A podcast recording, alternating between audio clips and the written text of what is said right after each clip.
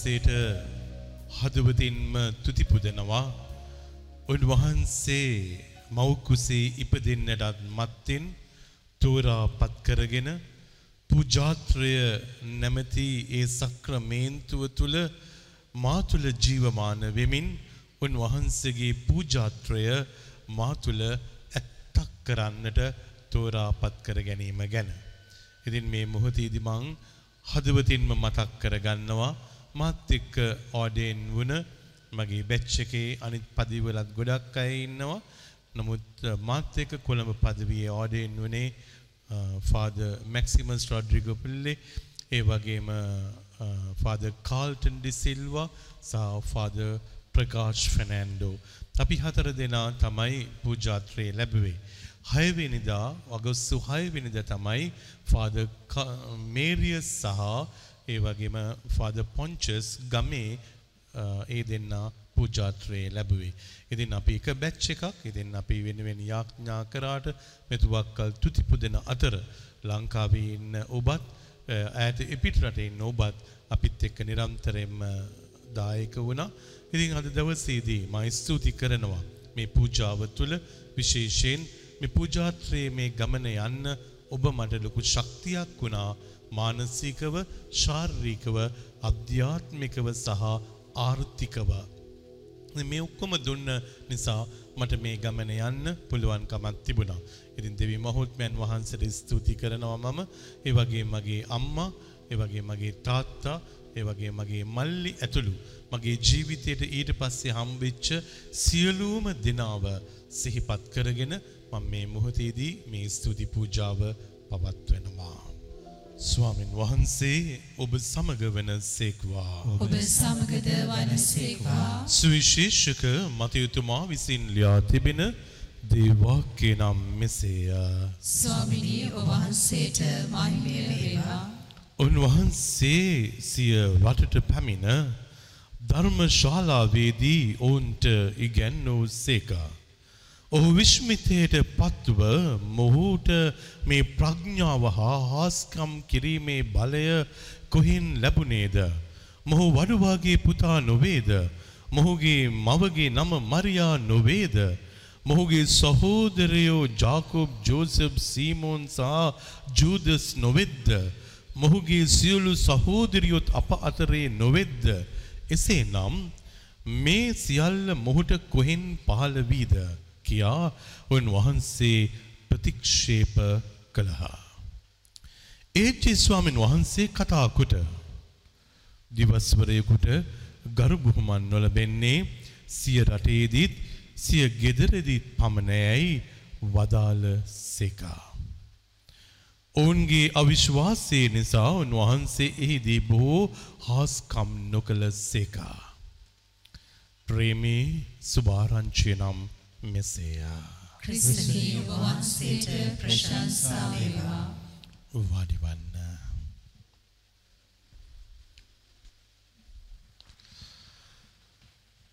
මප්‍රිමවන්ත සහෝදර සහෝදරියනි දරු දැරියනි.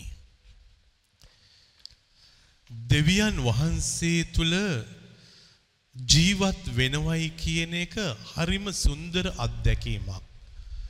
මඥානකාන්තීන් කරනකොට බ්‍රදස්ලට ෆයිනල් ප්‍රපරේෂන් කරනකොට පූජාත්‍රයේදී මං කියන දේ තමයි ඔබ පූජකයෙක් වෙන්න එපා.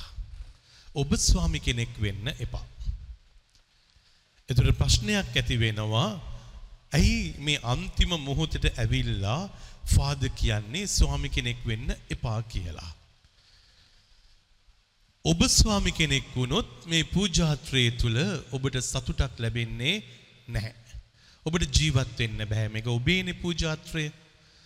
මම හැමදාම උන්ට කිව්වේ දෙවියන් වහන්සේගේ පූජාත්‍රය ඔබ තුල ජීවමාන කරන්න ඉඩ දෙන්න. සිස්ටර් කෙනෙක් වුණත් උච්චරම තමයි. දෙවියන් වහන්සේගේ පූජාත්‍රය තමයි ඉඩ දෙන්නේ අපේ ජීවිත තුල ජීවත් වෙන්න. එදාට කිසිම මහන්සියක් නැහැ. කිසිම අමාරුවක් නැහැ. මොකද ඩැරල් කියන පුද්ගලයාට මේ පූජාත්‍රය කරන්න දෙයක් නැහැ. දෙවියන් වහන්සේ ඩැරල් තුල ඉඳගෙන කරන එක ඩැරල්ට තියෙන්නේ බලාගෙන ඉන්න විතරයි. ඔබ්සර්ව් කරන්න විතරයි. එතකොට හරිම ලේසි. ගොඩක් අය මගෙන් උත්හලා තියෙනවා ෆාදර් මල්ටි ප්‍රොජෙක්ට්ස් කොහොමද එකම වෙලාවෙ කරන්නේ? මේ අවුරුදු ගණනාවට ගොඩක් දේවල් කොහොමද කරේ? මා දන්න එකම දේ මා නොකලා දෙවියන් වහන්සේ කරන දේ මා බලාගෙන සහයෝගයෙන් හිටියා. ඒ නිසා තමයි ඔබ සුපුවත්තන්ට ඇතුල් වෙනකොට සහ ඔය ප්‍රොජෙක්ට්ස් හැම එකේම තියෙන්නේ all glory to God. හැම ගෞරවයක්ම ඇත්තේ දෙවියන් වහන්සේට විතරයි. දෙවියන් වහන්සේට විතරයි. එනිසා ඔබේ මගේ ජීවිතයේදී සමහර වෙලාවට අමාරු වෙන්නේ කවදද? අමාරු වෙන්නේ කවදද? ඔබ විසින් මා විසින් දේවල් කරන්න පටන් ගත්තම ඔබ කියනවා නම් අද පටන් මම තීන්දුවක් ගන්නවා මීට පස්සේ මේ දේ කරන්නේ නැහැ. ටික දවසක් ගියාට පස්සේ ආයෙත් කරනවා. මොකද ඔබනේ තීන්දුව ගත්තේ. හැබැයි දෙවියන් වහන්සේට ඔබ තුල ඉඳගෙන ඒ තීන්දුව ගන්න ඔබ ඉඩ දුන්නොත් උන්වහන්සේ එතනදී ඔබගේ ජීවිතය අලුත් මැවිල්ලක් බවට පත් කරනවාමයි.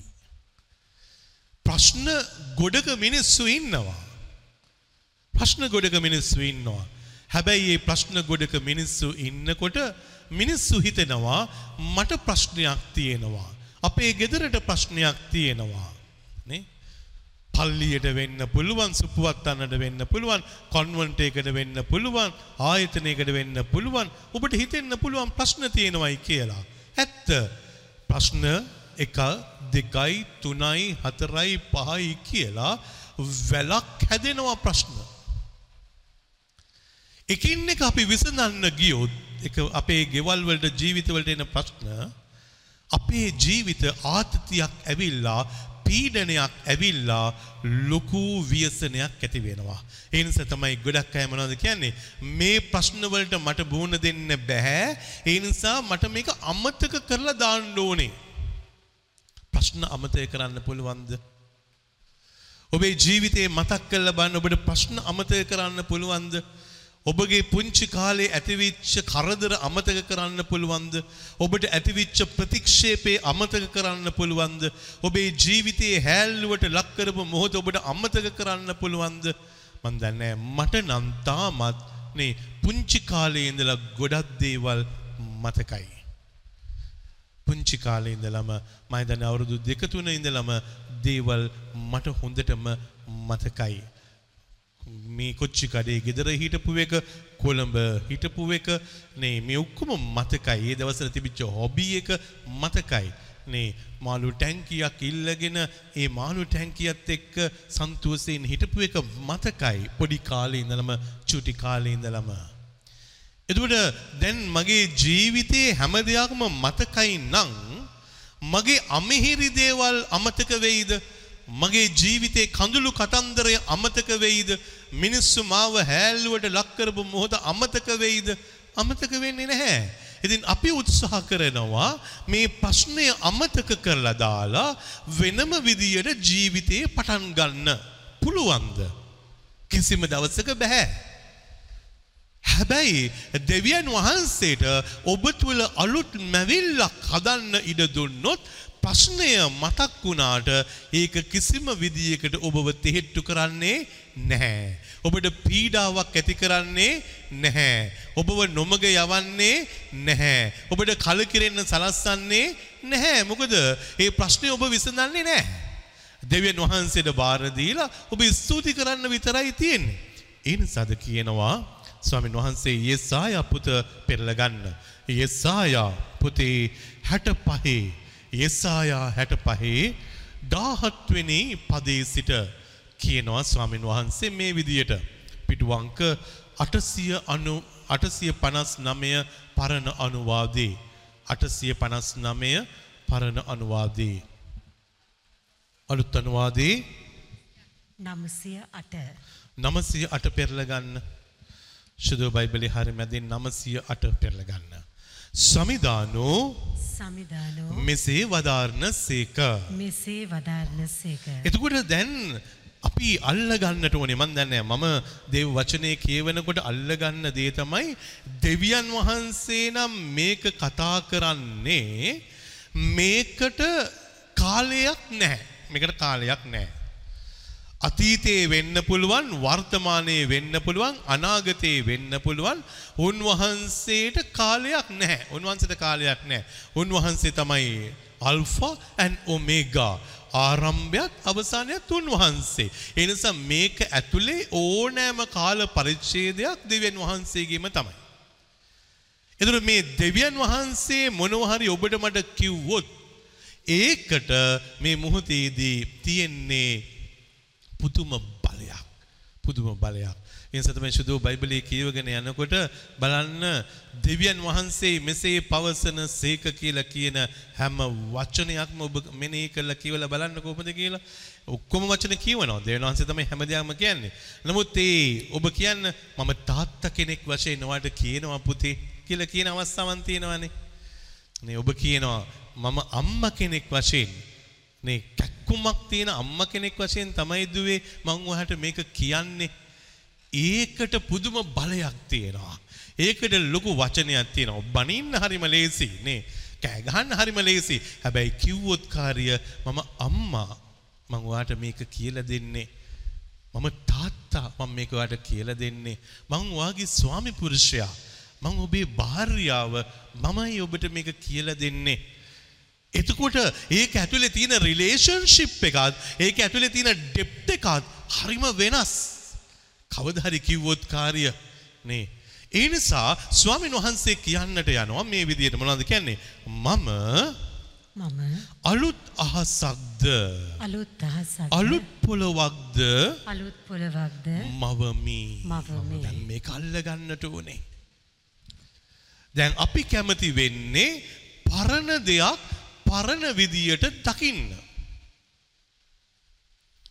මේ මනස කවදා හරි ඔබ ටියුන් කරොත් නේ ඔබ හැමදාම අලුත් දේවල් දකීවි. ඔබ මගෙන් ඇහුවොත් ෆාදර් ඩැරල් ඔයාට අලුත් දේවල් ජීවිතේ ඕනද කියලා මං නම් හරිම ආසයි. මම ලංකාවේ පිටරටත් සමහර වෙලාවට වින්ඩෝ shopping තමයි කරන්නේ. කඩේට යනවා. ගිහිල්ලා මේ ඔක්කොම බල්ලා බල්ලා එනවා අලුත් දේවල් මොනවද තියෙන්නේ අලුත් නිර්මාණ මොනවද තියෙන්නේ අලුත් මෝස්තර මොනවද තියෙන්නේ නේ අලුත් කන්සෙප්ට්ස් මොනවද තියෙන්නේ? නේ, අලුත් දෙයක් බලනවා හැමදාම. අලුත් දෙයක් අහගන්න ආසයි අලුත් දෙයක්. නේ? එතකොට රතන මේ තාත්තේ පුතේ දුවේ ඔබ කැමතිනම් අලුත් වෙන්න කිසිම දවසක ස්වාමීන් වහන්සේ කියන්නේ නැහැ ඔබට පරණ විදියට ඉන්න කියලා.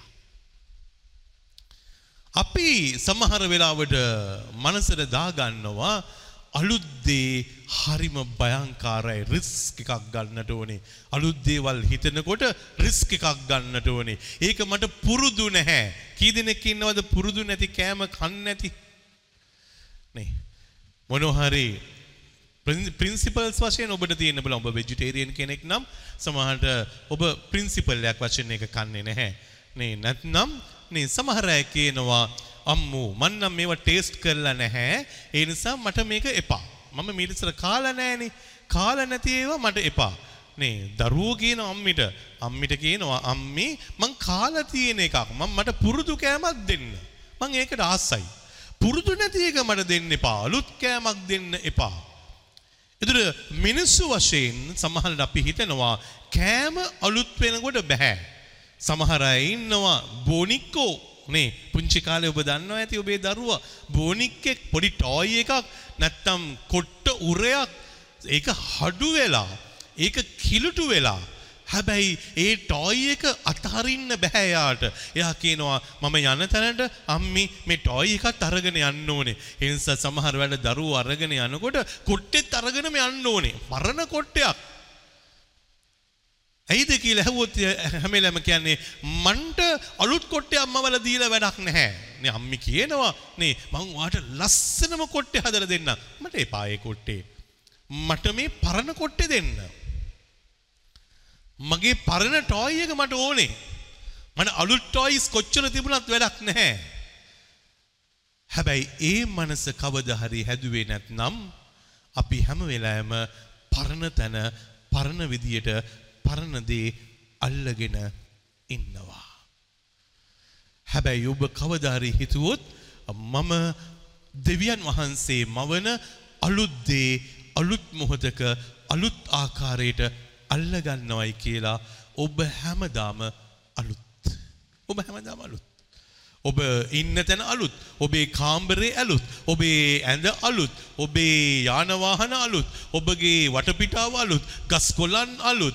පරිසරය අලුත්. හැම එකම අලුත් වෙනවා. ඇයි ඒ දෙවියන් වහන්සේ අලුත් අහසක් අලුත් පොළොවක් ඔබට හැමදාම මවලා දෙනවාමයි. ප්‍රශංසා වේවා ප්‍රශංසා ප්‍රශංසා වේවා ප්‍රශංසා වේවා. ප්‍රශංසා වේවා ප්‍රශංසා වේවා. දැන් මේකට තමයි අපි ඉඩ දෙන්නට ඕනේ. ඔබේ පුතාව හැමදාම අලුත් විදියට දකින්නට ඕනේ. අපි මොනවද කියන්නේ? මට මගේ පරණ පුතා තමයි ඕනේ. මගේ පරණ හස්බන්ඩ් මට ඕනේ.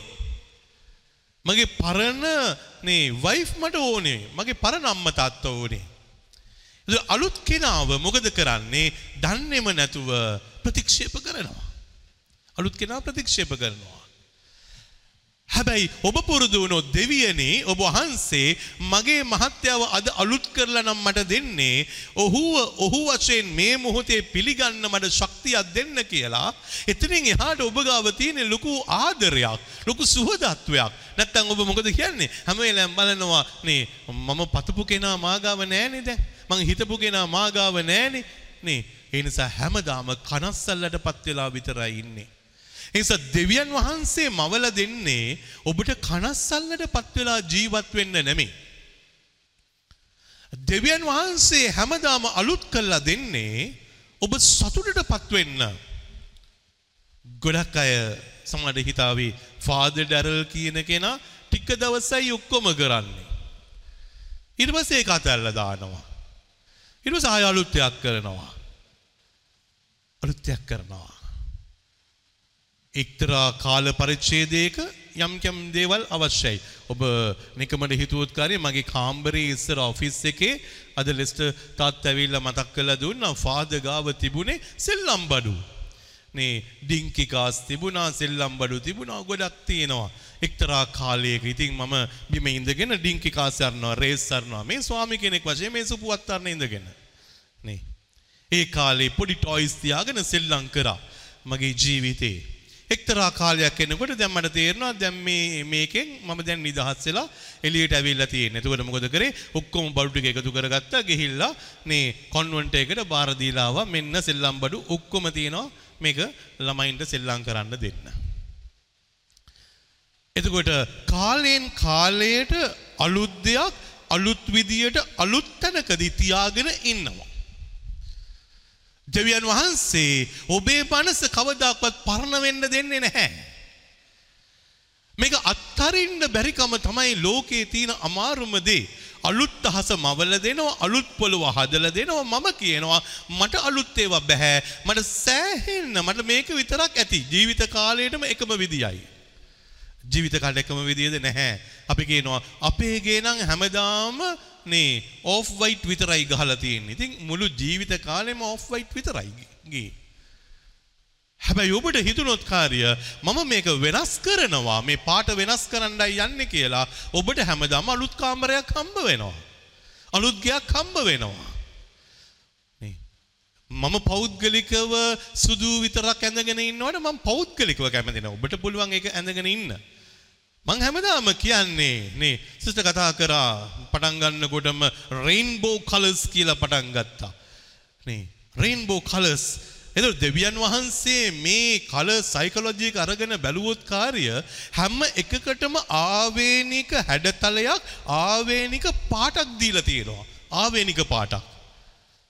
එදාට ඒ පාට තමයි බලගතු මට මතකයි නේ සමහර අය නේ මේ කලර්ස් කියන දේවල් ගොඩක් ලස්සනට භුක්ති විඳිනවා. කලර්ස් කියන දේවල්. කලර්ස් භුක්ති විඳින්නේ නැත්නම් කාරි අපි හැම වෙලාවෙම කියන්නේ මට චාම් වෙන්න ඕනේ. ඒ නිසා මට චාම් සුදු ඇඳුමක් තිබුණොත් ඇති වෙන මොනවාක්වත් ඕනේ නැහැ. ඒක එක මොහොතකට හොඳයි.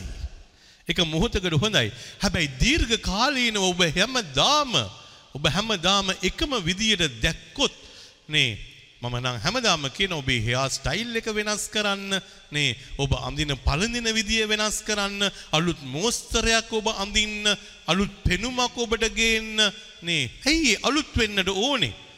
එතකොට තමයි ඔබ ජීවත් වෙනවයි කියන එක ඔබට දැනෙන්නේ. ස්වාමීන් වහන්සේ ඒකට අවශ්‍ය කරන මාවත් හැම එකක්ම දිගහැරලා දෙනවා. ඒ නිසා ස්වාමීන් වහන්සේ කියනවා පසුගිය දේ පසුගිය දේ මතක් කරන්නේවත් මතක් කරන්නේ සිහි කරනු ලබන්නේවත් සිහිකරු ලබන්නේවත් නැත. නැත. ආ, ප්‍රශංසා වේවා ප්‍රශංසා වේවා.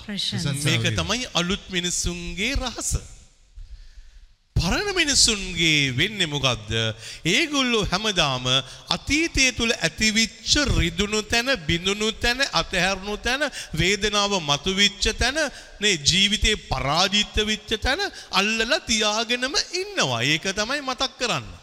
හැමදාම මතකයට ගේනවා. හරියට මේක නේ ජප කරනවා වගේ මතක් කරන්නේ මොනවද? මගේ අතීතය, මගේ අතීතය, මගේ අම්මා මෙහෙම කරා, මගේ තාත්තා මෙහෙම කරා, මගේ නංගි මෙහෙම කරා, මගේ අක්කා මෙහෙම කරා, මගේ ආච්චි මෙහෙම කරා, මගේ යාළුවෝ මෙහෙම කරා. හැමදාම මෙහෙම මෙහෙම තමයි. එතුර මොකද වෙන්නේ. අර දෙවියන් වහන්සේ දුන්න මේ මොහොත තුළ තිබිච්ච ඒ ප්‍රබල බලය අපි අතහැරලා දාලා අතීතයේ මතකයේ තුළ ජීවත් වෙන්න හදනවා. ස්වාමීන් වහන්සේ කියනවා නෑ මම ඒවා එකක්වත් මතක් කරන්නේ නෑ. ඒකට හොඳම නිදසුන තමයි නේ ජේසුස් ස්වාමීන් වහන්සේ කුරුසේ ඉන්නකොට නේ අනිත් හොරා කියනකොට නේ ඇත්තයි මම නම් වැරදි කළා තියෙනවා. නේ ඔබ නම් වැරදි කළා නැහැ. ඉතින් අ, අ, ඔබ කැමති නම් මාව පාරාදීසයට එක් කරගෙන යන්න. ස්වාමීන් වහන්සේ කිව්වේ නැහැ මට මතකයි ඔබේ අතීතය. මට මතකයි ඔබ කරපු දේවල්. මට මතකයි ඔබේ හොර වැඩ. මට මතකයි ඔබගේ සල්ලාල වැඩ. මට මතකයි ඔබ මිනිමරපු ඒවා. මට මතකයි ඔබ කරපු හැම දා දරාවක්ම මට මතකයි කියලා කිව්වද ස්වාමීන් වහන්සේ නැහැ. උන්වහන්සේව මතක් කරේවත් නැහැ. පෞකාර ස්ත්‍රියගෙන් ඇහුවද මේ මොහොතේදී මොකද කරගත්තේ මොකද කරගත්තේ සමාරිය ස්ත්‍රියගෙන් ඇහුවද මොකද කරගත්තේ මොකද කරගත්තේ කියලා මොනවත් අහන්නේ නැහැ. ඒ මොහොතේ ඉඳලා අලුත් ජීවිතයක් ගත කරන්න වරම් දුන්නා. ඒක තමයි දේවිකත්වය කියන්නේ. ඒ මොහොතේ ඉඳලා අලුත් ජීවිතයක්. දැන් අපිට තියෙන ප්‍රශ්නය ඒ මොහොතේ ඉඳලා අලුත් ජීවිතයකට වඩා අපි බලමු එයාගේ කැතකුණු මොනවද? එයාට ප්‍රොබේෂන් එකක් දෙන්න ඕනද? ඔහුට පනිෂ්මන්ට්ස් කොයි විදිහටද දෙන්න ඕනේ? ඔහුව කොහොමද මේක ඇතුලේ යම්කිසි ආකාරයෙන් නේ කරපු වැරද්ද මතක් වෙන්න දඬුවමක් දෙන්න ඕනේ. කරපු වැරද්ද මතක් වෙන්න දඬුවමක් දෙන්නට ඕනේ. ඒ නිසා තමයි සමහර නේ අම්මලා වැරදි විදියට දේවල් කරනවා මොනවද? පුච්චනවා. මගේ අම්ම කෙනෙක්ගෙන් ඇහුවා ඇයි අම්මේ පිච්චුවේ? අත පිච්චුවේ ඇයි. ෆාද යාට මේක මේ තුවාලය පේන හැම දවසකව මතක් වෙන්නට ඕනේ මීට පස්සේ මෙයා මේක කරන්න හොඳ නෑ කියලා. අතීතය වේදනාත්මක අතීතයක් වැරදි අතීතයක් අපි මතක් කළ දෙවන් සමහර වෙලාවට මන් දන්නවා මේ ඩ්‍රග්ස් අරගෙන මේ අරගෙන මේ අත කපාගෙන ඉන්න දරුවෝ මාගාවට එනවා. හැබැයි මං කිසිම දවසක අහන්නේ නැහැ පුතේ ඇයිව අත අත මොකද වෙලා තියෙන්නේ? මේ අත කපාගත්තද කැපුණාද? ජීවිතේටත් අහන්නේ මොකද එයා කරපු වැරද්ද එයා කරපු අඩුපාඩුව ඒකනම් අපි මතක් කරලා දෙන්නට යන්නේ හැම වෙලාවෙම ඒ පුද්ගලයාව අපි නැති කරලා දානවා එනිසා ඒ පුද්ගලයට අතීතයක් තියෙනට පුළුවන් ඒක දෙවියන් වහන්සේ මතක් කරන්නේ නැත්නම් ඇයි දෙයියනේ ඔබ මතක් කරන්නට යන්නේ ඔබේ මහත්යාගේ අතීතයේ වේදනාව ඇයි ඔබ මතක් කරන්නේ ඔබේ දරුවගේ අතීතයේ මතකේ ඇයි ඔබ ගේන්නට යන්නේ? ඍණාත්මක වේදනාවක් ඇයි ඔබ මතක් කරන්නට යන්නේ? ඇයි දෙවියන් වහන්සේ ඔබට මට කියනවා වගේම මේ මොහොත ඊයේ සණ්ඩුවක් වුණා. හැබැයි ඒ සණ්ඩුව අදට ගේන්න බෑ. ඊයේ කනස්සල්ලක් තිබුණා. ඊයේ රෑ මරා ගන්න ගියා. හැබැයි උදේට ආයෙක ගේන්න බෑ. එතන මරා ගන්න ගියා ඕන දෙයක් එතනින් ඉවරයි. ඊට පස්සේ උදේ නැගිටලම good morning darling good morning පැටියෝ how are you කියලා හග් එකක් දීලා වැඩේ පටන් ගන්නට ඕනේ ජීවිතේ.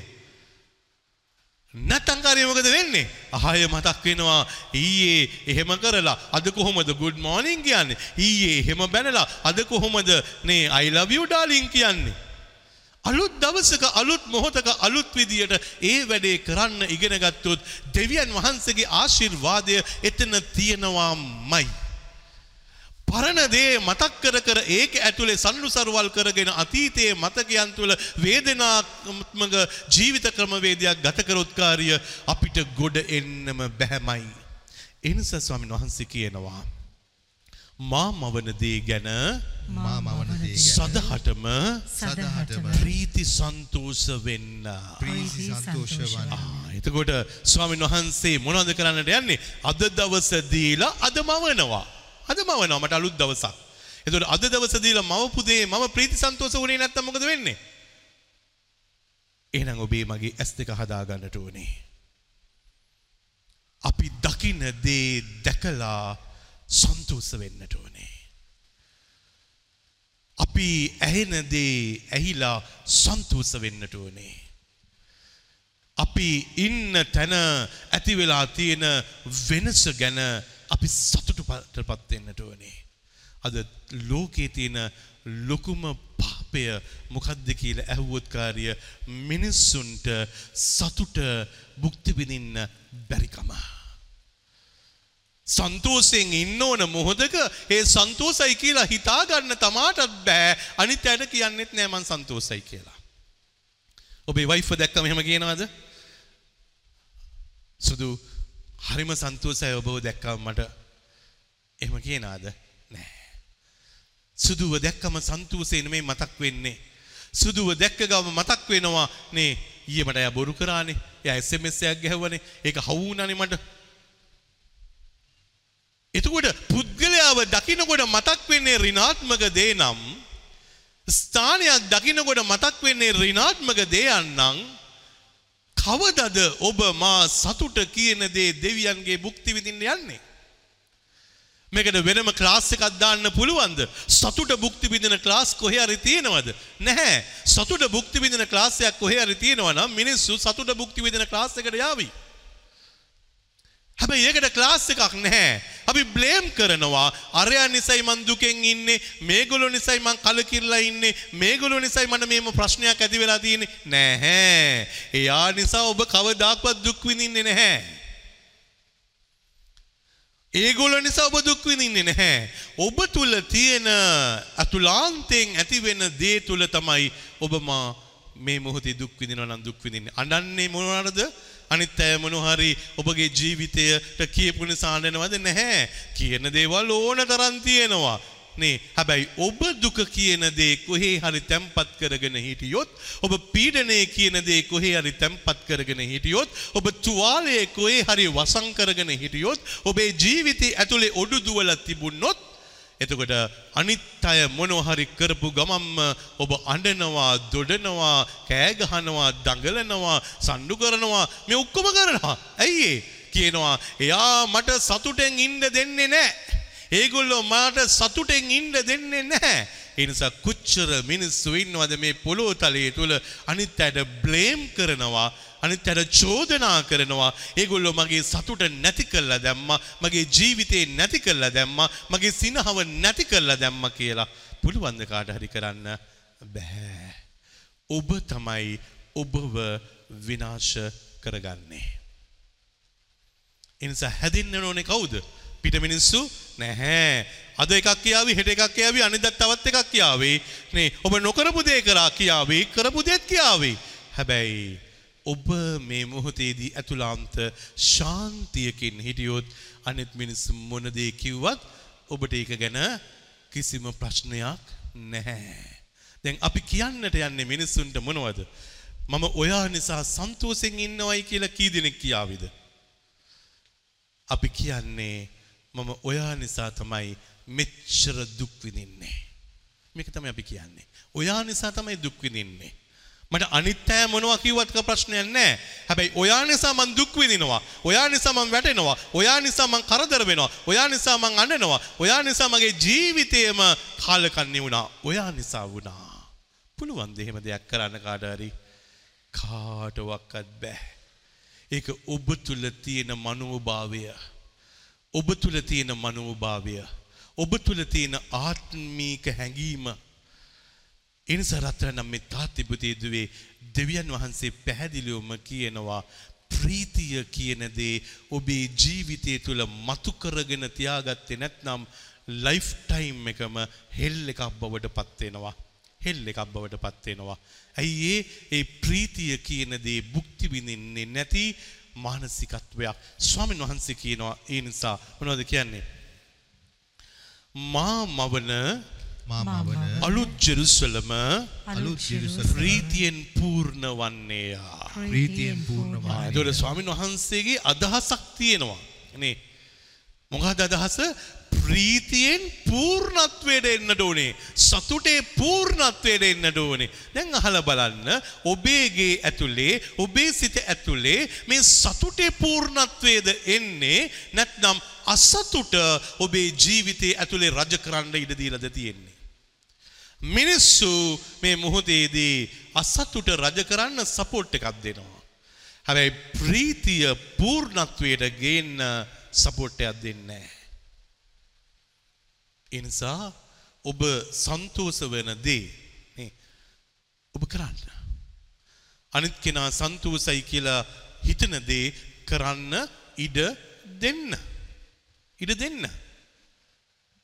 නැත්නම් මොකද වෙන්නේ? සන්තෝෂය කියන දේ පුද්ගලයන් පුද්ගලයට වෙනස්. මම ප්‍රීති සන්තෝෂ වෙන විදියට නෙමෙයි ඔබ ප්‍රීති සන්තෝෂ වෙන්නේ. ඔබට සමහර වෙලාවට මේ පුංචි දෙයක් තුළ ඔබට ප්‍රීති වෙන්න පුළුවන් වේවි. තවත් එක්කෙනෙකුට තවත් ගොඩක් දේවල් තියෙනම යා සන්තෝෂ වේවි. දැන් එතකොට මොකද වෙන්නේ? අර චුට්ටකින් සන්තෝෂ වෙන කෙනා අන්තිමට කියනවා මොනවද කියන්නේ? මොකටද ගොඩක් දේවල් සන්තෝෂ වෙන්න? චුට්ටකින් පුළුවන්. ඒ පුද්ගලයාට චුට්ටකින් පුළුවන්. අනිත් පුද්ගලයාට ගොඩක් දේවල් ඕනේ. තවත් පුද්ගලයෙකුට ඊටත් වඩා දේවල් ඕනේ සන්තෝෂ වෙන්න. ඒ නිසා රත්තරනම් මේ තාත්තිපුතේ දුවේ සතුට කියන දේ පුද්ගලයාගෙන් පුද්ගලයාට වෙනස් වෙනවා. ඒ නිසා ඔබේ මහත්යාගෙන් බලාපොරොත්තු වෙන්න එපා. ඔබව නේ සතුටෙන් තියන්න. මොකද එයා කියාවේ මෙච්චරක් තමයි මට සතුටෙන් තියන්න කරන්න පුළුවන් කියලා. එතකොට ඔබ මොනවද කියන්නේ අන්තිමට? මගේ මහත්යාට බැරි වුණානේ ෆාදර්. අවුරුදු ගානම මං ජීවත් වුණා. එයාට බැරි වුණානේ මාව එක දවසක් සන්තෝෂෙන් තියන්න. එක දවසක් සන්තෝෂෙන් තියන්න. ඇයි ඒ? එතකොට මහත්යාගෙන් අහපුවාම මහත්යා කියාවි ඇයි රත්තරන් මම මුළු මගේ මුළු ජීවිත කාලයම දේවල් කරේ ඔයාව සන්තෝෂෙන් තියන්නනේ. හැබැයි සන්තෝෂෙන් තියන්න ඔයා කරාට ඒක මට සතුටක් නෙමෙයි. ඒකයි වෙනස. ඔබ සන්තෝෂයෙන් ඉන්න කරන දේ සමහර වෙලාවට අනිත් කෙනාගේ සතුටයි කියලා හිතාගෙන හිටියට ඒක සතුට නෙමෙයි. එහෙනම් මොනවද දැන් කරන්න ඕනේ? අනිත් කෙනාගෙන් අහන්න ඔයා සතුට ලබන්නේ මම් මොනවා ඔයාට කරලා දුන්නොත්ද. ඒක තමයි අහන්නට වනේ. ඒක අහන්න. ඒ නිසා තමයි මගේ ජීවිතේ සර්ප්‍රයිස් කියන දේවල් මම විශ්වාස කරන්නේ නැහැ. සර්ප්‍රයිස් එක.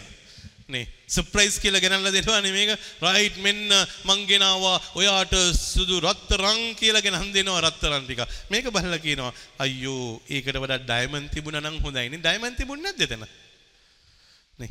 රත්තරන් දුන්නේ.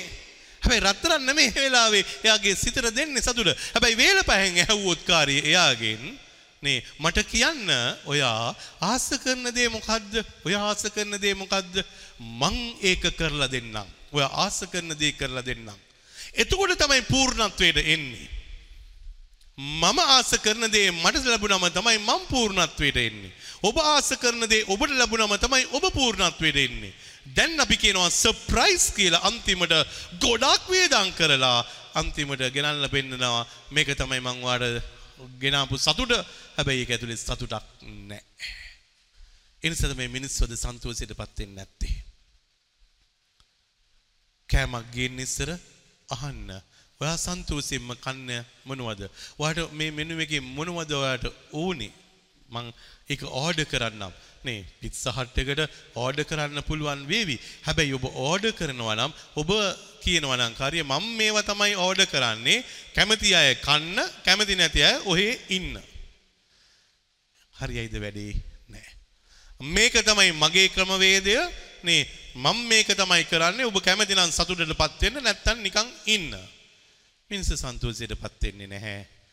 මම හැමදාම කියන්නේ දේශනාව ඇහෙවි. හැබැයි ඔබේ දේශනාව ඔබ දුන්නේ නැත්නම් ඔබ සන්තෝෂයටපත් වෙන්නේ නැහැ. ෆාදර් ඩැරල් සන්තෝෂයටපත් වෙන්න දේශනා කරાવી. හැබැයි ඒක ඔබේ දේශනාව නෙමෙයි. ඔබේ දේශනාව ඔබ විසින්ම මේ දේශනාව යන අතරතුර දේශනා කරන්නට ඕනේ. එතකොට තමයි ඔබ සන්තෝෂයට පත් වෙන්නේ. නැත්තම් කරේ මොනවද කියන්නේ? ඒගොල්ලෝ කියාවි අයියෝ කිව්වා ගොඩක් දේවල් කිව්වා පෑ ගානක් කිව්වා වැඩක් නෑනේ. කිසිම විදියට මට ඇප්ලයි වුණේ නෑ. ඇප්ලයි වෙන්නේ නෑ තමයි. මොකද ඔබ ඔබේ දේශනාව දීගෙන නැහැ. ඔබ ෆාදර් ඩැරල්ගේ දේශනාව අහගෙන ඉඳලා ෆාදර් ඩැරල්ගේ දේශනාව ඇහුවයි කියලා ඔබ සතුටටපත් වෙන්නේ නැහැ. හැබැයි ෆාදර් ඩැරල්ගේ දේශනාව ඇතුලේ පුංචි ඉන්ස්පිරේෂන් එකක් ඇවිල්ලා එතනදී ඔබ නතර වෙලා ඔබ පටන් ගන්නවා ඔබේ දේශනාව සෙල්ෆ් ටෝක් එකේ පටන් ගන්නවා දෙවියන් වහන්සේට කතා කරන්න ඉඩ දෙනවා. මොකද වෙන්නේ? ඔබ කියාවි අද දවසේ නම් මගේ සිත පිරුණා. මගේ මනස පිරුණා. ඒ ෆාදර් ඩැරල් දේශනා කරපු නිසාද? නැහැ. ඔබ ඔබේ දේශනාව ගොඩනගාගත්ත නිසා. ඊට පස්සේ මොනවද වෙන්නේ? ඔබට ඇහෙන්නම පොසිටිව්ලි. ඇහෙන හැම වචනයක්ම සතුටගෙන දෙනවා. මොකද ඔබේ දේශනාව ඔබට ඇහෙන්න පටන් ගන්නවා. අද මිනිස්සු දුක් විඳින්නේ තමාගේ දේ තමාට ඇහෙන්නේ නැති නිසා. පටන් ගන්න. ලයිෆ් එක පටන් ගන්න. මිනිස්සුන්ට බ්ලේම් කරලා වැඩක් නැහැ. Don't blame people. They can't make you happy. This is your personal life. ඔබගේ පෞද්ගලික ජීවිතය එනිසා ඔබ ඔබගේ සිත ඔබේ ආත්මය හැමදාම නේ මෙනෙහි කළ බලන්න. හැමදාම එනිසා ස්වාමීන් වහන්සේ මෙහෙම කියනවා. මම මාගේ ජෙරුසලම කෙරෙහිත් මම මාගේ ජෙරුසලම මාගේ සෙනඟ කෙරෙහිත් මාගේ සෙනඟ කෙරේ ප්‍රසන්න වෙමි. ප්‍රසන්න වෙමි. ආ, මේක තමයි වෙනස. ප්‍රසන්නයි. සන්තෝසයි. දැන් ඔබ කියනවාද ඔබේ පුතා ගැන ඔබ සන්තෝසයි කියලා? ඔබ කියනවාද ඔබේ මුණුබුරා මුණුබිරිය මිනිබිරිය ගැන සන්තෝසයි කියලා කියනවාද? නැහැ මොනවද කියන්නේ? ෆාදර් හරිම වසයි ෆාදර්. හරිම දඟයි ෆාදර්. හරිම මුරණ්ඩුයි ෆාදර්. බ්ලස් කරන්න ගෙනාපුවම කියනවාද මං හරිම ප්‍රසන්නයි මෙයා ගැන හරිම සන්තෝසයි මං මෙයා ගැන ඒ නිසා දෙවියන් වහන්සේට ස්තුති කරන්නයි මේ ආශිර්වාද ඉල්ලන්න ආවේ එහෙම එන අය ඉන්නේ අත්වලොස්සයි මං දන්නේ 18 එකක්වත් එහෙම ඉන්නේ නැහැ ෆොටෝ එක ගෙනාවත් පෙන්වන්නේ මේ මොහොතේදී මොනවද කියන්නේ? ගෙනල්ලා පෙන්වන්නෙත් කියනවා මෙයා නම් පුදුම දඟයි ෆාදර් නේ. එපා වෙලා තියෙන්නේ මෙයත් එක්ක. ප්‍රසන්නයි කියන දේ කියලා නෙමෙයි. එනිසා දෙවියන් වහන්සේ ජේස්වාමන් වහන්සේගේ ජීවිතය නේ ප්‍රසිද්ධ ජීවිතය කරා ගෙනියන්නට මත්තෙන් උන්වහන්සේ වෙන කිසිම දෙයක් කිව්වේ නැහැ. ජොර්දාන් නදියට ඇතුල් වෙලා උඩට එනකොට කිව්වේ මේ මාගේ ප්‍රියාදර පුත්‍රයා නොවයා. කී දෙනෙක් ඉන්නවද දරුවට පුතේ කියලා කියන්නේ නැති දුවේ කියලා කියන්නේ නැති නම කියන අම්මලා තාත්තලා කොච්චර ඉන්නවද? දරුවට නම කියලායි කතා කරන්නේ.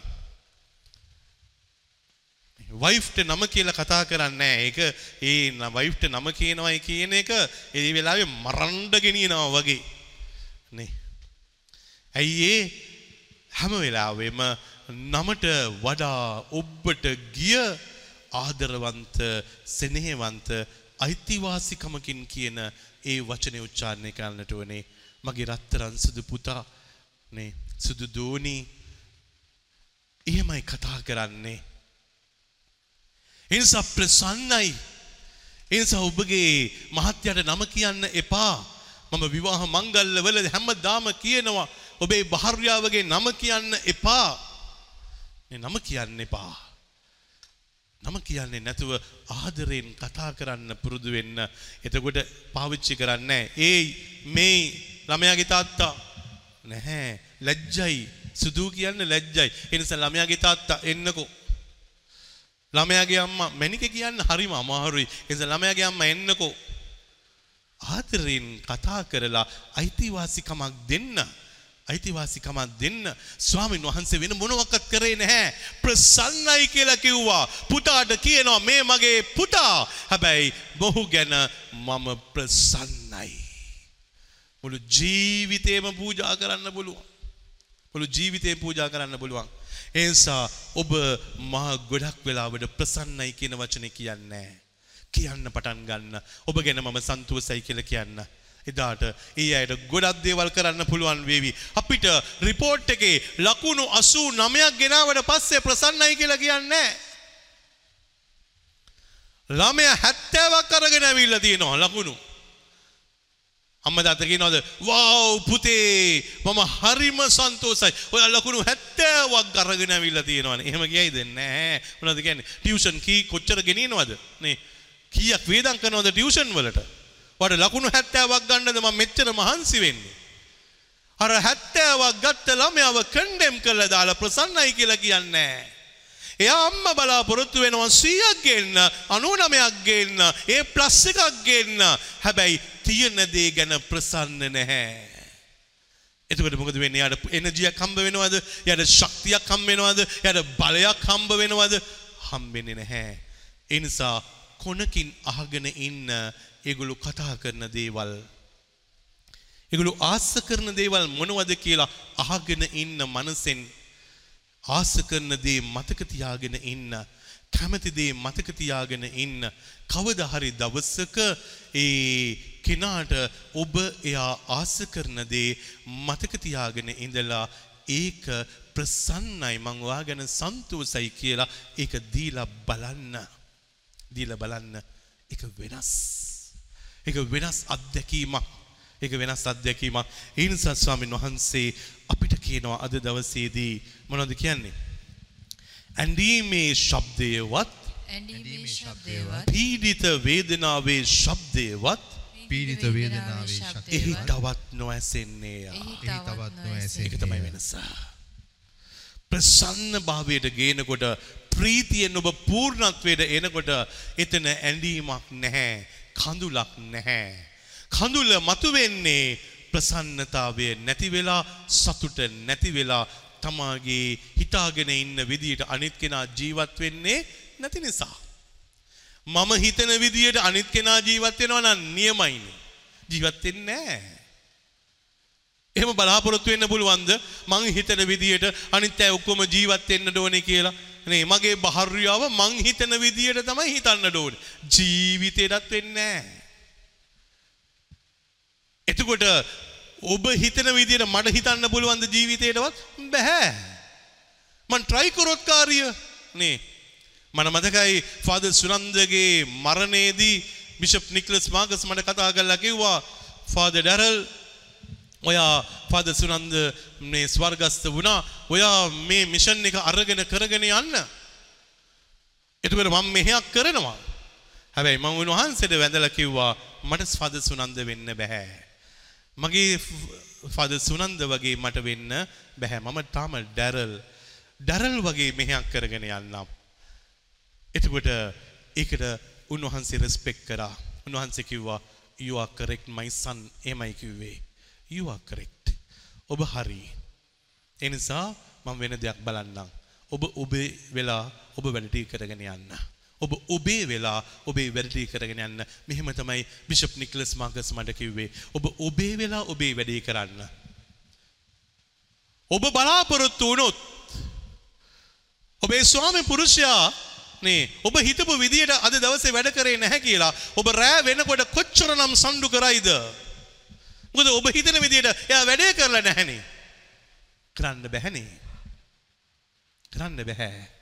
ඒ නිසා එයාට හිතෙන විදියට එයා වැඩේ කරාවේ ඔබට හිතෙන විදියට ඔබ වැඩේ කරන්න.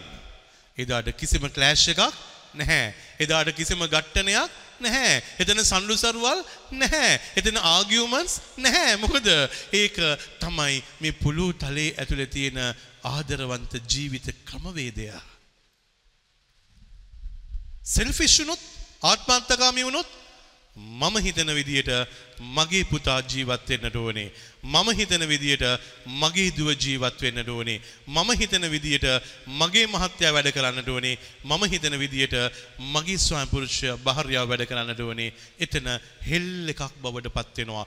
කඳුල විතරයි ඉතුරු වෙන්නේ. අසහනේ විතරයි ඉතුරු වෙන්නේ. කලකිරීම විතරයි ඉතුරු වෙන්නේ. ගට්ටණය විතරයි ඉතුරු වෙන්නේ. වේදනාව විතරයි ඉතුරු වෙන්නේ. හැලහැප්පීම් විතරයි ඉතුරු වෙන්නේ. තනිකම විතරයි අන්තිමට අයිති වෙන්නේ.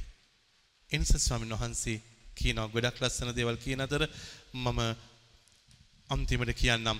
ඔහු ඔහු විසියෙක් වෙන පදය ගෙවල් ගොඩනගාගෙන ගෙවල් ගොඩනාගාගෙන එහි වාසය කරන්න ඔය ඒ වාසය කරන්න ඔය මිදිවතු වවාගෙන මිදිවතු එහි පලදාව කපන්න ඔය පලදාව කරන්න. ඔවුන් ගෙවල් ගොඩනගාගත් විට ඔවුන් ගෙවල් ගොඩනගාගත් විට අන් අය අය අය වාසය නොකරන්නේ වාසය කරන්නේවත් වාසය කරන්නේවා මිදිවතු වවාගත් විට මිදිවතු වවාගත් අන් අය ඒවායේ පලදාව භුක්ති විඳින්නේවත් අන් අය ඒවායේ පලදාව භුක්ති විදින්නේවත් නැත.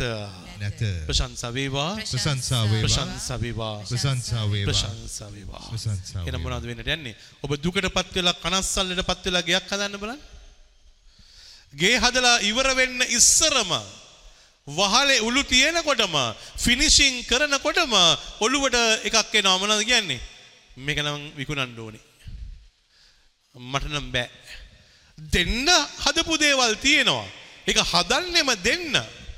එතකොට ඔබට කිසි ප්‍රශ්නයක් නැහැ. ඔබ ජීවත් වෙන්න හදපු දේ ඔබ අතහරිනවා. ඇයි අතහරින්නේ? ඔබේ මනස ඇතුලේ අර ස්වාමීන් වහන්සේ කියපු ඒ ගමන ප්‍රීතිය අලුත් අහස අලුත් පොළවට යන්න තේරෙන්නේ නැති නිසා. අලුත් ගේ හදලා ගෙදර පදිංචි වෙන්න ඉස්සරම විකුණපු ගෙවල් කොච්චර තියෙනවද?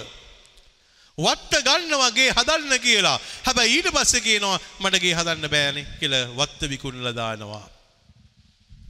ජීවිතේ රටනම් මේ තාත්තේ පුතේ දුවේ තමා භුක්ති විඳින්නේ නැති කොච්චර දේවල් තියෙනවද? මගේ ඇඳේ මම මම භුක්ති විඳින්නේ නැත්නම් මගේ කාමරේ මම භුක්ති විඳින්නේ නැත්නම් මම ඉන්න රටේ මම භුක්ති විඳින්නේ නැත්නම් අපරාධේ නෙමෙයිද? හැමදාම මොනවද කියන්න වෙන්නේ? ඇමරිකාවට ගියා නම් තමයි හොඳානේ. ඕස්ට්‍රේලියාවට ගියා නම් කොච්චර හොඳයිද? ඉතාලියට ගියා නම් කොච්චර හොඳයිද? Very good හොඳයි. හැබැයි දැන් තියෙන එක භුක්ති විඳින්නකෝ. මේ ලංකාව දැන් අපි භුක්ති විඳිමුකෝ. නේ. අපි ලංකාව භුක්ති විඳින්නේ නැතුව අපි හැමදාම මොනවද කියන්නේ? අර රට හොඳයි මේ රට හොඳයි ඔක්කොම රටවල් හොඳයි. මම සමහරවිට අහනවා ඔබ රටවල් කීයකට ගිහිල්ලා තියෙනවද? තාම රටවල් එකකටවත් ගිහිල්ලා නැහැ. પાස්පෝර්ට් එක ම්, තාම හදාගෙන නැහැ. හැබැයි ඉතින් මේ ලංකාවේ ඉන්න හිතෙන්නේ නැහැ. පාස්පෝර්ට් එක හදාගෙන නැති අය නේ කිසිම රටකට ගිහිල්ලා බලලා බලලා බලලා ඇවිල්ලා දැන් මම ලංකාවේ නෙමෙයි ඉන්නේ යන්නේ මේ රටේ පදිංචි වෙන්නට යන්නේ කියලා කියන්නවත් තේරුමක් නැති අය දැන් කියනවා ලංකාව එපා වෙලා මගේ ගේ එපා වෙලා මගේ ගම එපා වෙලා අම්මේ තාත්ති පුතේ දුවේ දෙවියන් වහන්සේ ඔබව ට්‍රේන් කරන්නේ එහෙම ජීවත් වෙන්න නෙමෙයි. ඒ නිසාද අයිති කරගන්න. ඔබ ඔබේ ගෙදරට ආස කරන්න, ඔබේ මිදුලට ආස කරන්න, ඔබේ වාහනවලට ආස කරන්න, ඔබේ මහත්යට ආස කරන්න, ඔබේ භාර්යාවට ආස කරන්න, ඔබේ දරුවන්ට ආස කරන්න, ඔවුන් ප්‍රසන්නයි කියලා කියන්න, ඔවුන්ව අගය කරන්න, ඔවුන්ගේ ජීවිතවල ප්‍රීතිය ලැබෙනකොට ඔබ සන්තෝෂයෙන් ඉන්න.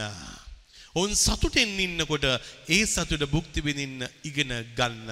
නැත්තම් ඔබ හැමදාම කියාවි ඔයාට මොකද? ඔයා සන්තෝෂයෙන් ඉන්න මං දුක් විඳිනවා. එච්චර තමයි කියන්න තියෙන්නේ.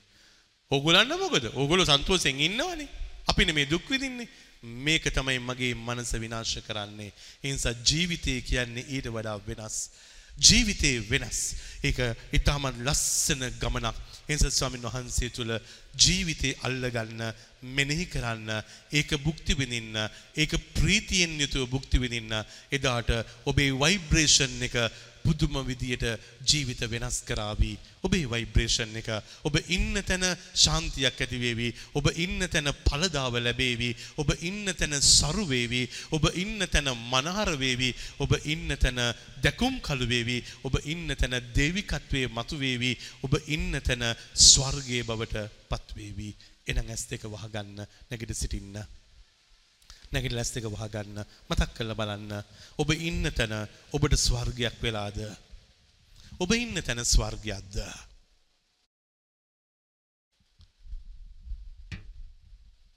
ඔබේ මහත්තයා තුල ස්වර්ගික අත්දැකීමක් ඔබට තියෙනවද?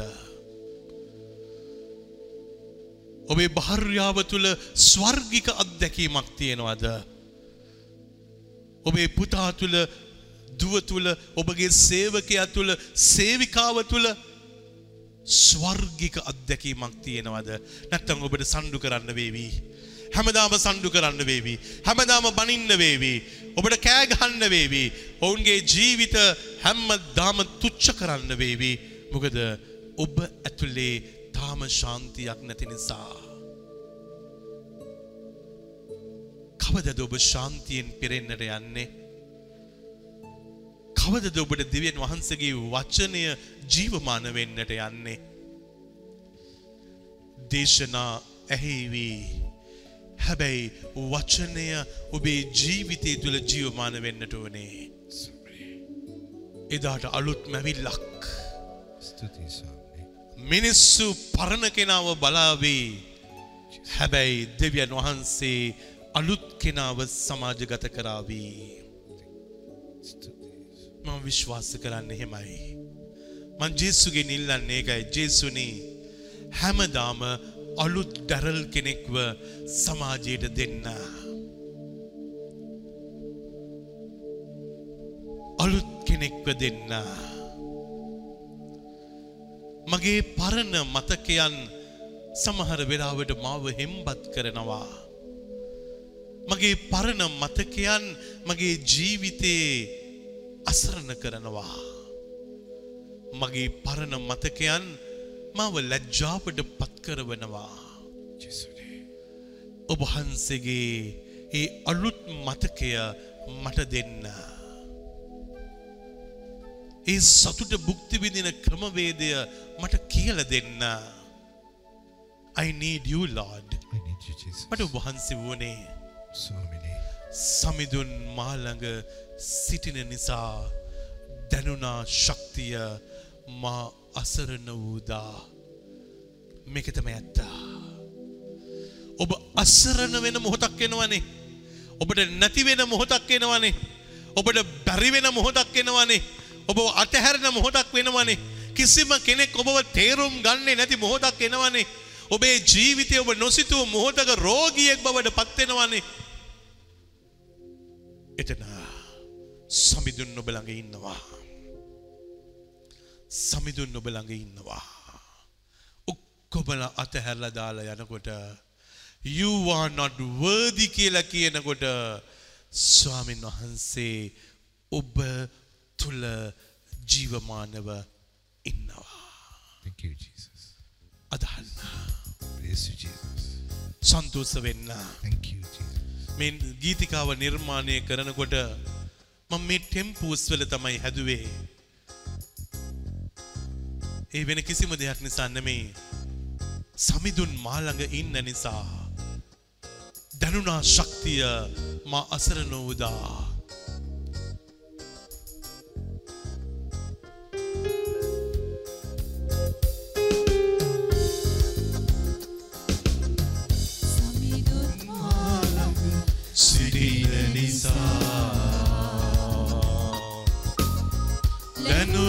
ශක්තිය මා අසරණ වූදා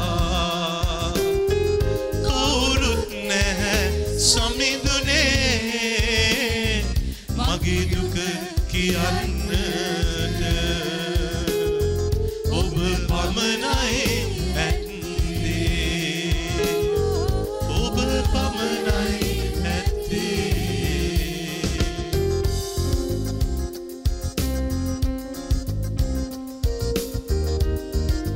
මේක තමයි ඇත්ත.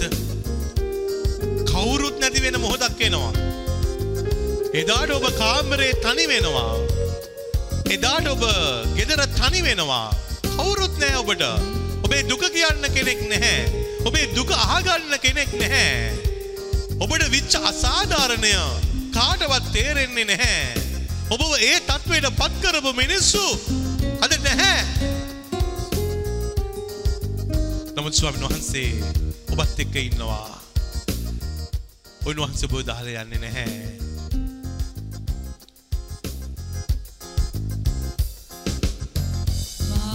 සුදනම්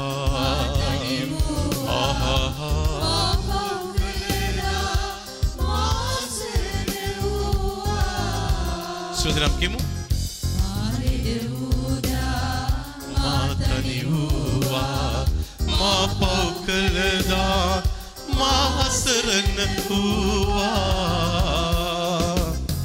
කවුරුත් නැහැ සමිඳුනේ. මගේ දුක කියන්න. ඔබ පමණයි.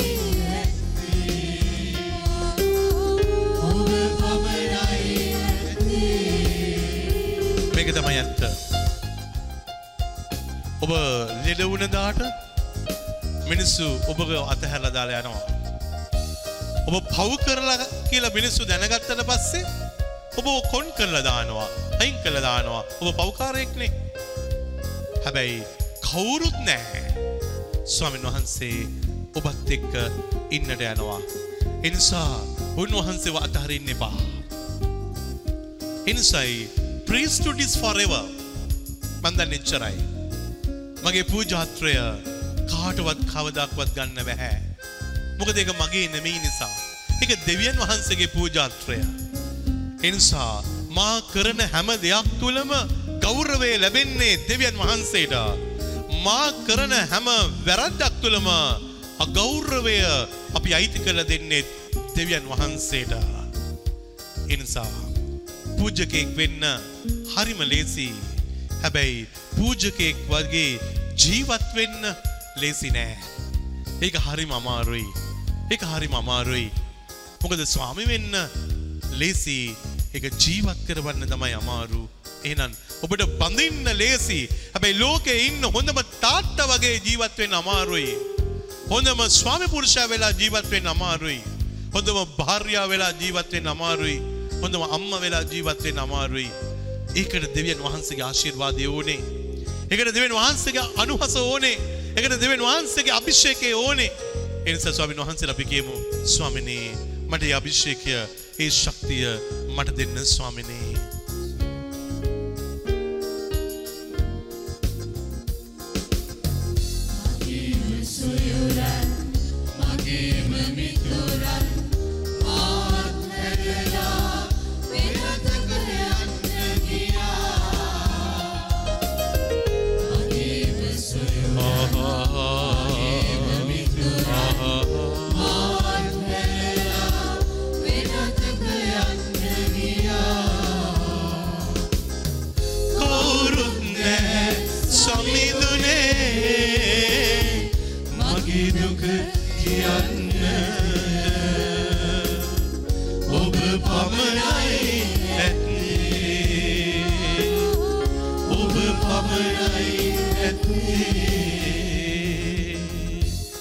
දෙක වැඳගෙන ඔබට කියන්න ඕන ඕනෙම දෙයක් ස්වාමීන් වහන්සේට දැන් කියන්න.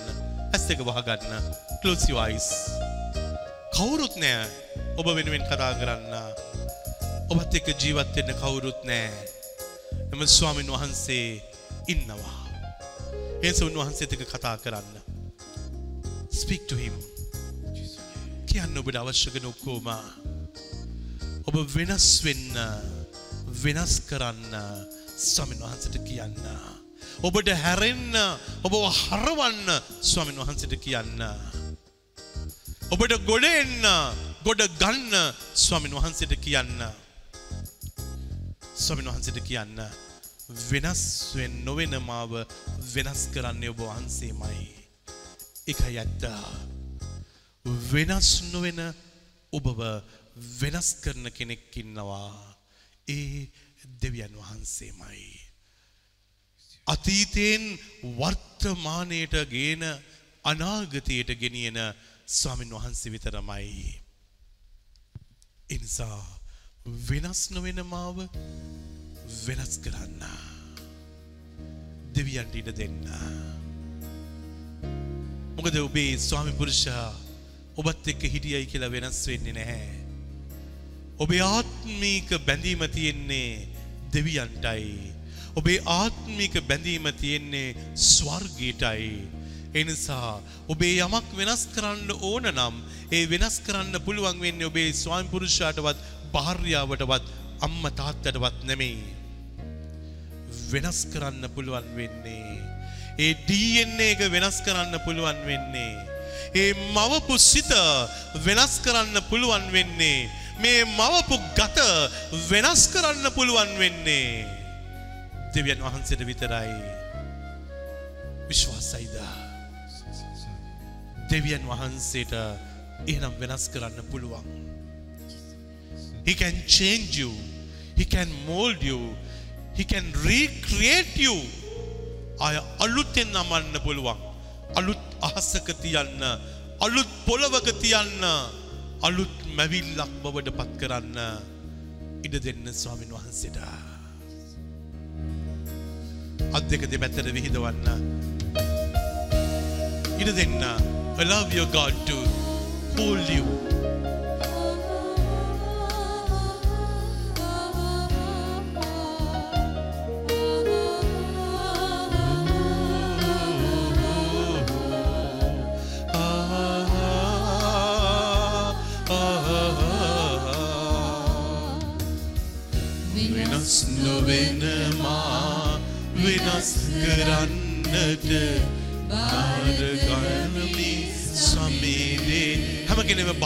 ස්වාමීන් වහන්සේට වෙනස් නොවෙනවා වෙනස් කරන්නට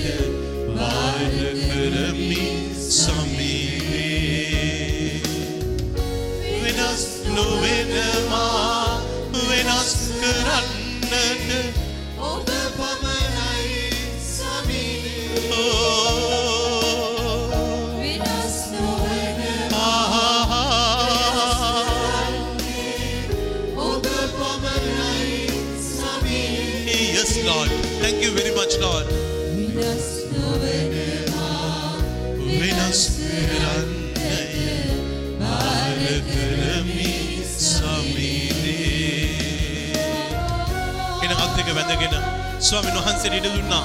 ඔබ ඉඩ දෙනකොට උන්වහන්සේ ඔබ තුලට ඇවිල්ලා උන්වහන්සේ කැමති දේ කරනවා. ඔබට අලුත් අහසක් තනලා ඒ අහස තුල දුක් විඳින්න දෙන්නේ නැහැ.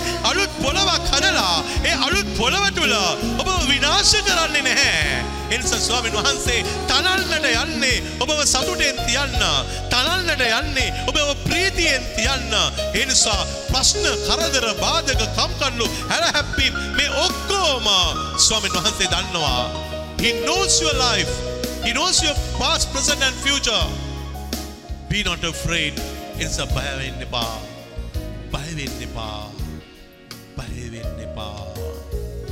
වෙනස් නොවෙනවා වෙනස් කරන්නට පාර කරමි සමිදේ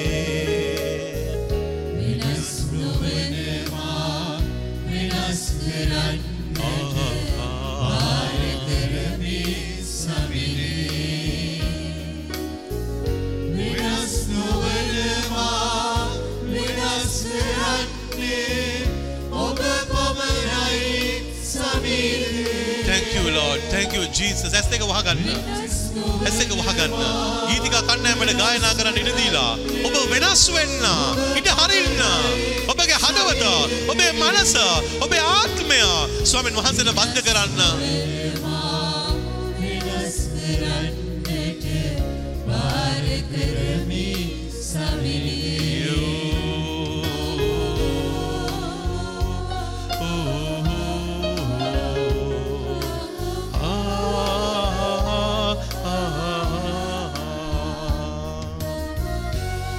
දුර්වලකම් හොඳින්ම දන්නේ ඔබ පමණයි සමිදේ.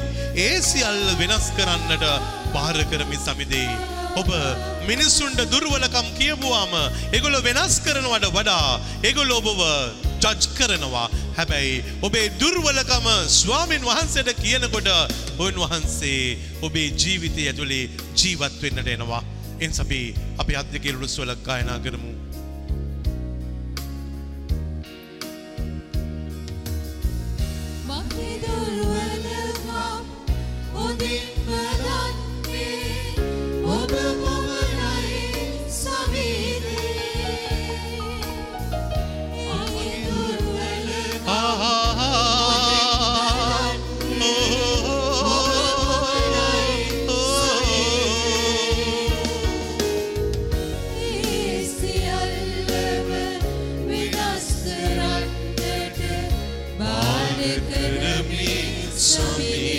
ඒ සියල්ලම වෙනස් කරන්න. ඒ සියල්ල හැම කෙනෙක්ම කෑ ගහලා කියන්නම. වෙනස් කරන්නට බාර කරමි සමි. මගේ සියලුම දුර්වලකම්. ඒ සියල්ලම. ඒ සියල්ලම වෙනස් කරන්නට බාර කරමි සමීනේ. අලුත් ජීවිතයක් පටන් ගන්නට. වෙනස් සියල්ලම වෙනස් කරන්නට. බාර කරමි සමීනේ බාර කරමි සමීනේ හැම කෙනෙක්ම කියන්න. බාර කරමි සමීනේ සුදී ස්වාමීනි මේ දුව දරුවන්ගේ ජීවිත අද දවසේදී වාසයේ ස්පර්ශ කරමින් ඉන්නවා ස්වාමීනි. අවුරුදු 27ක පූජාත්‍රයේ තුල ඔබ වහන්සේ අරගෙන ආපු ගමන වෙන තුති පුදින අතර ඔබ වහන්සේගේ දේව ආශිර්වාදය මේ දරුවන් වෙත ගලාගෙන සලස්වන මේ සුදු මොහොතේදී ඔබ වහන්සේගේ දේව ආශිර්වාදය ඇත්තම ඔබට පත් කරන නිසා ඔබ වහන්සේට සූදිවන්ත වෙනවා ස්වාමීනි. ඒ බලය ඒ ශක්තිය ඒ ආදරය ජීවමානව ගලන්න ඔබ වහන්සේ සලස්සලා ප්‍රාතිහාර අභ්‍යන්තරක වෙනස පෙරලියක් වෙනස් කරලා ඒ වහන්සේට ස්තුතියි ස්වාමීනි මශල බලාතෝ පිගුරු බිලාතෝ ඉක්කුබි කාන මතත්තා චක්කල බිලාරු බිරුවි රතල බශලතේ වෙනස් කරලා ඔබ වහන්සේ yes lord. You have already released the power the power. Thank you lord. Thank you lord. For the fire the fire. ඔබ වහන්සේ ඒ ගින්න අවුල්ල පුඩසා ස්තුතියි ස්වාමීනි ඒ වෙනස ගෙනාවට ස්තුතියි ස්වාමීනි ඒ බලය මේ දරුවන්ගේ ජීවිතවල ස්ථාපිත කරන නිසා ස්තුතියි ස්වාමීනි ස්තුතියි ස්වාමීනි ස්තුතියි ස්තුතියි ස්වාමීනි thank you lord. Thank you jesus. ස්තුතියි ස්වාමීනි ස්තුතියි ස්වාමීනි ස්තුතියි ස්වාමීනි මේ කී දේ අපගේ ස්වාමින් වන අතියුතුම් වූ ජේසු ක්‍රිස්තු ස්වාමීන් වහන්සේගේ නාමයෙන්ම අපට ලැබේවා ආමේන්